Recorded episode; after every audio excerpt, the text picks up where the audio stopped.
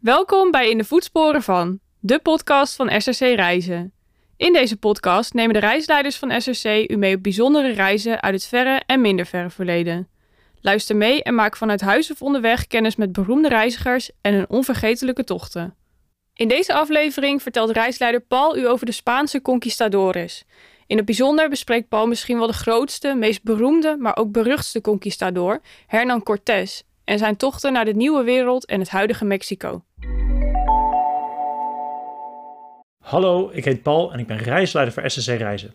In deze aflevering van In de Voetsporen van treden we in de voetsporen van de Spaanse conquistadores op weg naar de nieuwe wereld. 1492 is een zeer belangrijk jaar geweest in de geschiedenis van de mensheid. Twee werelden, die tot dan toe geen contact hadden, kwamen opeens met elkaar in aanraking, met enorme gevolgen. Je zou kunnen zeggen dat de globalisatie van de wereld is begonnen met die Spanjaarden die in relatief kleine boten de oversteek naar de nieuwe wereld maakten. Je kan duidelijk spreken van een wereld voor en na de ontdekking van Amerika. Vooral voor de inheemse culturen van de nieuwe wereld is de aankomst van de Spanjaarden en later andere Europeanen een regelrechte ramp geweest. Als je reisverslagen van de eerste Europeanen leest over hun tochten langs de kusten van Amerika, spreken ze vaak over rijke culturen en veel menselijke bewoning. Een aantal decennia later zien reizigers veel minder mensen en verlaten kampen. De ziekten die de Europeanen meebrachten hebben zoveel inheemse bewoners doen sterven. Huidige historici denken dat het sterftecijfer vele malen groter was dan dat we tot nu toe hebben gedacht. Hele beschavingen zijn verdwenen door ziekte, oorlog en culturele onderdrukking. Inheemse religies werden verbannen en verdwenen in de katholieke kerk. Daarnaast namen de Europeanen allemaal nieuwe dingen mee uit de nieuwe wereld naar Europa, maar ook naar hun nieuwe koloniën in Azië. Paprika's en Spaanse pepers komen alleen voor uit Amerika. Ze zijn via de Spanjaarden in de Aziatische keuken terechtgekomen. Tomaten komen uit Amerika en zijn nu een onmisbaar onderdeel van gerechten uit Italië, India, Griekenland en het Midden-Oosten. Voor de ontdekking van de nieuwe wereld had niemand in het oude continent ooit een cactus gezien. Chocola komt uit Mexico, aardappelen komen uit het Andesgebergte.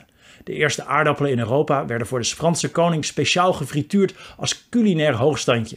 Vandaar dat we nog steeds het Franse woord friet gebruiken en Amerikaanse, Amerikanen ze nu French fries noemen, terwijl aardappelen uit Amerika komen. Ananassen komen ook uit de nieuwe wereld en waren zo zeldzaam in Europa dat ze in de 18e eeuw wel bijna 8000 euro kosten en soms door rijke mensen werden gehuurd om ze op feestjes tentoon te stellen. Kortom, je kan boeken volschrijven over de invloed van 1492 op de wereldgeschiedenis, maar vandaag wil ik in de voetsporen treden van een van de belangrijkste conquistadores, Hernán Cortés. Het verhaal van Cortés is bijna niet te geloven, maar het is echt gebeurd. Het is een verhaal van hoe een paar honderd Spanjaarden een rijk met miljoenen inwoners wisten te veroveren. De geschiedenis van de Nieuwe Wereld is natuurlijk zeer dicht verbonden met die van Spanje. Dit verhaal speelt zich af in de tijd van Karel V en is natuurlijk van groot belang geweest voor de ontwikkeling van Spanje en Castilië in het bijzonder, naast de verschrikkelijke invloed op de culturen van Midden- en later Zuid-Amerika. Het is een verhaal van sluwe en gedurfde militaire manoeuvres, van de meedogenloze tactieken van Hernán Cortés. Het is ook een verhaal van de tragische vergissingen van Montezuma, de leider van de Azteken. Het is een verhaal van het conflict tussen twee beschavingen. Het zijn beide relatief nieuwe beschavingen die pas in de eeuw ervoor groot geworden zijn. Het zijn beide militante en agressieve beschavingen die geleid worden door een krachtige koning. Beide beschavingen worden door een militante vorm van religie naar buiten gedreven en hebben nieuwe gebieden veroverd. We zien ook in dit verhaal de zo vaak terugkerende motieven van de conquistadores: goud, roem en evangelie. De mensen die Mexico veroveren zijn op zoek naar persoonlijke roem, rijkdom en verhoogde sociale status. Maar er zijn ook velen onder hen die hartstochtelijk graag de inheemse bevolking willen bekeren. Bernal Diaz, een conquistador onder Cortés die de verovering persoonlijk meemaakte, omschrijft het het beste. Ze kwamen in dienst van God en de koning om licht te geven aan hen die zich in het donker bevonden. En Diaz voegt toe: en ook om dat goud dat bijna alle mannen begeren te pakken te krijgen. Waarom wilden de Spanjaarden zo graag goud? U moet zich voorstellen dat in die tijd een arme man met een goed pensioen kon als hij maar een klein beetje goud te pakken kon krijgen, wat misschien de bloed- en goudlust van de conquistadores gedeeltelijk verklaart. Wie is Hernán Cortés? Cortés is misschien de grootste, meest beroemde en ook beruchtste van alle conquistadores. Cortés werd geboren in 1484 in een familie van lage adel uit het zuidwesten van Spanje, de Extremadura.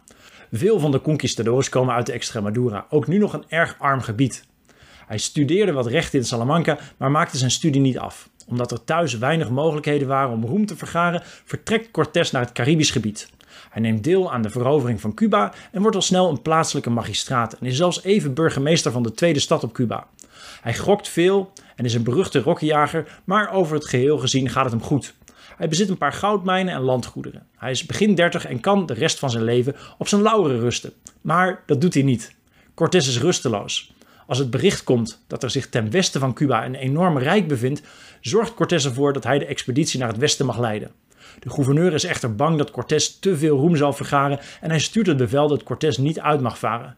Cortés wendt voor dat hij het bericht niet heeft ontvangen en vertrekt toch met 500 man. Officieel is hij nu een deserteur. De expeditie moet dus slagen, anders wacht hem een grote straf. Het is een enorme gok. Op het vasteland aangekomen komt hij een Spanjaard tegen.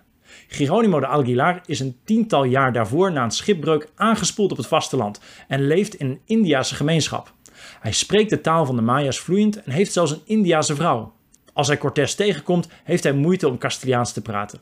De Aguilar gaat nu als vertaler werken voor Cortés. Cortés zorgt er altijd zeer goed voor dat hij precies weet wat zich afspeelt in de Indiaanse gemeenschappen. Dit in tegenstelling tot de Indianen die bijna niets weten van de Spanjaarden. Bij een van de eerste overwinningen op de Indianen in Tabasco verkreeg Cortés nog een belangrijk instrument voor zijn verovering. Van de overwonnen Indianen kreeg hij 20 jonge vrouwen, waaronder een 15-jarig meisje van Azteekse adel. Ze heette Malinchin, La Malinche, maar de Spanjaarden doopten haar tot Doña Marina. Ze schijnt van uitzonderlijke schoonheid geweest te zijn en werd al snel de minnares van Cortés. Hij komt er snel achter dat ze ook Nahuatl, de taal van de Azteken, spreekt. Dit is een belangrijk instrument. Cortés kan in het Spaans iets tegen zeggen tegen de Alquilar en hij vertaalt dit in Maya voor Doña Marina die het weer vertaalt naar Nahuatl. Dit blijkt uiteindelijk een van de machtigste wapens te zijn van Cortés. Op deze manier weet hij veel meer dan zijn tegenstanders. Ook omdat La Malinche veel afweet van het politieke systeem en de interne intriges van de Azteken. Cortés past een tactiek van verdeel en heers toe. In het begin haalt hij veel Indiase volken over om samen met hem het gezag van de Azteken te ondermijnen. Het rijk van de Azteken is een rijk dat voor het grootste gedeelte bestaat uit onderworpen volken. In 1519 begint Cortés naar het binnenland te trekken, richting de hoofdstad van de Azteken Tenochtitlan. Montezuma, de koning van de Azteken, wist van de komst van de Spanjaarden. Hij was echter besluiteloos. Dit kan ermee te maken hebben dat Cortés aan land kwam aan het einde van een 52-jarige cyclus van de Maya-kalender. Na elke 52 jaar was er een goede kans dat de wereld zou vergaan. Montezuma dacht misschien dat de Spanjaarden afgezanten waren van de verbannen god Quetzalcoatl, de gevederde slanggod. Cortés zelf dacht dat Montezuma even dacht dat hij Cortés Quetzalcoatl was. Quetzalcoatl was verbannen naar het oosten en zou één dag terugkomen. Deze dag werd door de Azteken voorspeld op 1519. Onderweg naar Tenochtitlan bleef Montezuma Cortés geschenken sturen om hem over te halen om rechtsomkeer te maken. Ze geven hem onder meer goud. Uit een Azteekse bron krijgen we een idee hoe de Azteken over de Spaanse goudlust dachten. De Spanjaarden leken zeer verrukt te zijn. Ze grepen naar het goud als apen. Hun gezichten bloosden omdat hun lust voor goud overduidelijk geen grenzen had. Ze hadden een honger, een lust voor goud. Ze vulden zich ermee alsof ze varkens waren. Cortés gaat echter gewoon door en in november 1519 staat hij voor Tenochtitlan, Mexico-stad. De ontmoeting tussen Montezuma en Cortés kan met recht een van de belangrijkste definiërende gebeurtenissen van de conquista worden genoemd. Bernal Diaz schrijft: Toen we al die steden zagen, dorpen die in het water gebouwd waren en andere grootse steden op het droge en die rechte weg die naar Mexico-stad leidde, waren we met stomheid geslagen. Deze grootste steden en tempels en gebouwen die uit het water tevoorschijn kwamen, waren allemaal van steen. En het leek een betoverend visioen. Sommige van onze soldaten vroegen zich af of het niet allemaal een droom was. Het is daarom niet zo gek dat ik op deze manier hierover schrijf. Het was allemaal zo wonderbaarlijk, maar ik weet niet hoe ik de eerste blik moet omschrijven die op dingen valt waar nog nooit iemand over gehoord of van gedroomd heeft. Montezuma besluit de Spanjaarden vriendelijk te ontvangen, waarschijnlijk om de kat uit de boom te kijken en stelt een van zijn paleizen voor ze ter beschikking. Montezuma leidt de Spanjaarden rond om ze de stad te laten zien. Cortés kijkt zo goed zijn ogen uit en na de situatie ingeschat te hebben, besluit hij Montezuma te gijzelen in zijn eigen paleis. Met deze actie lukt het hem om het rijk van de Azteken maandenlang te verlammen. De volgende maanden verliepen relatief rustig, tot Cortés weer terug moest naar de kust, omdat Velázquez een leger onder leiding van Panfilo de Narváez op hem af had afgestuurd. Cortés versloeg het leger zonder veel problemen en de meeste soldaten van Velázquez liepen naar hem over.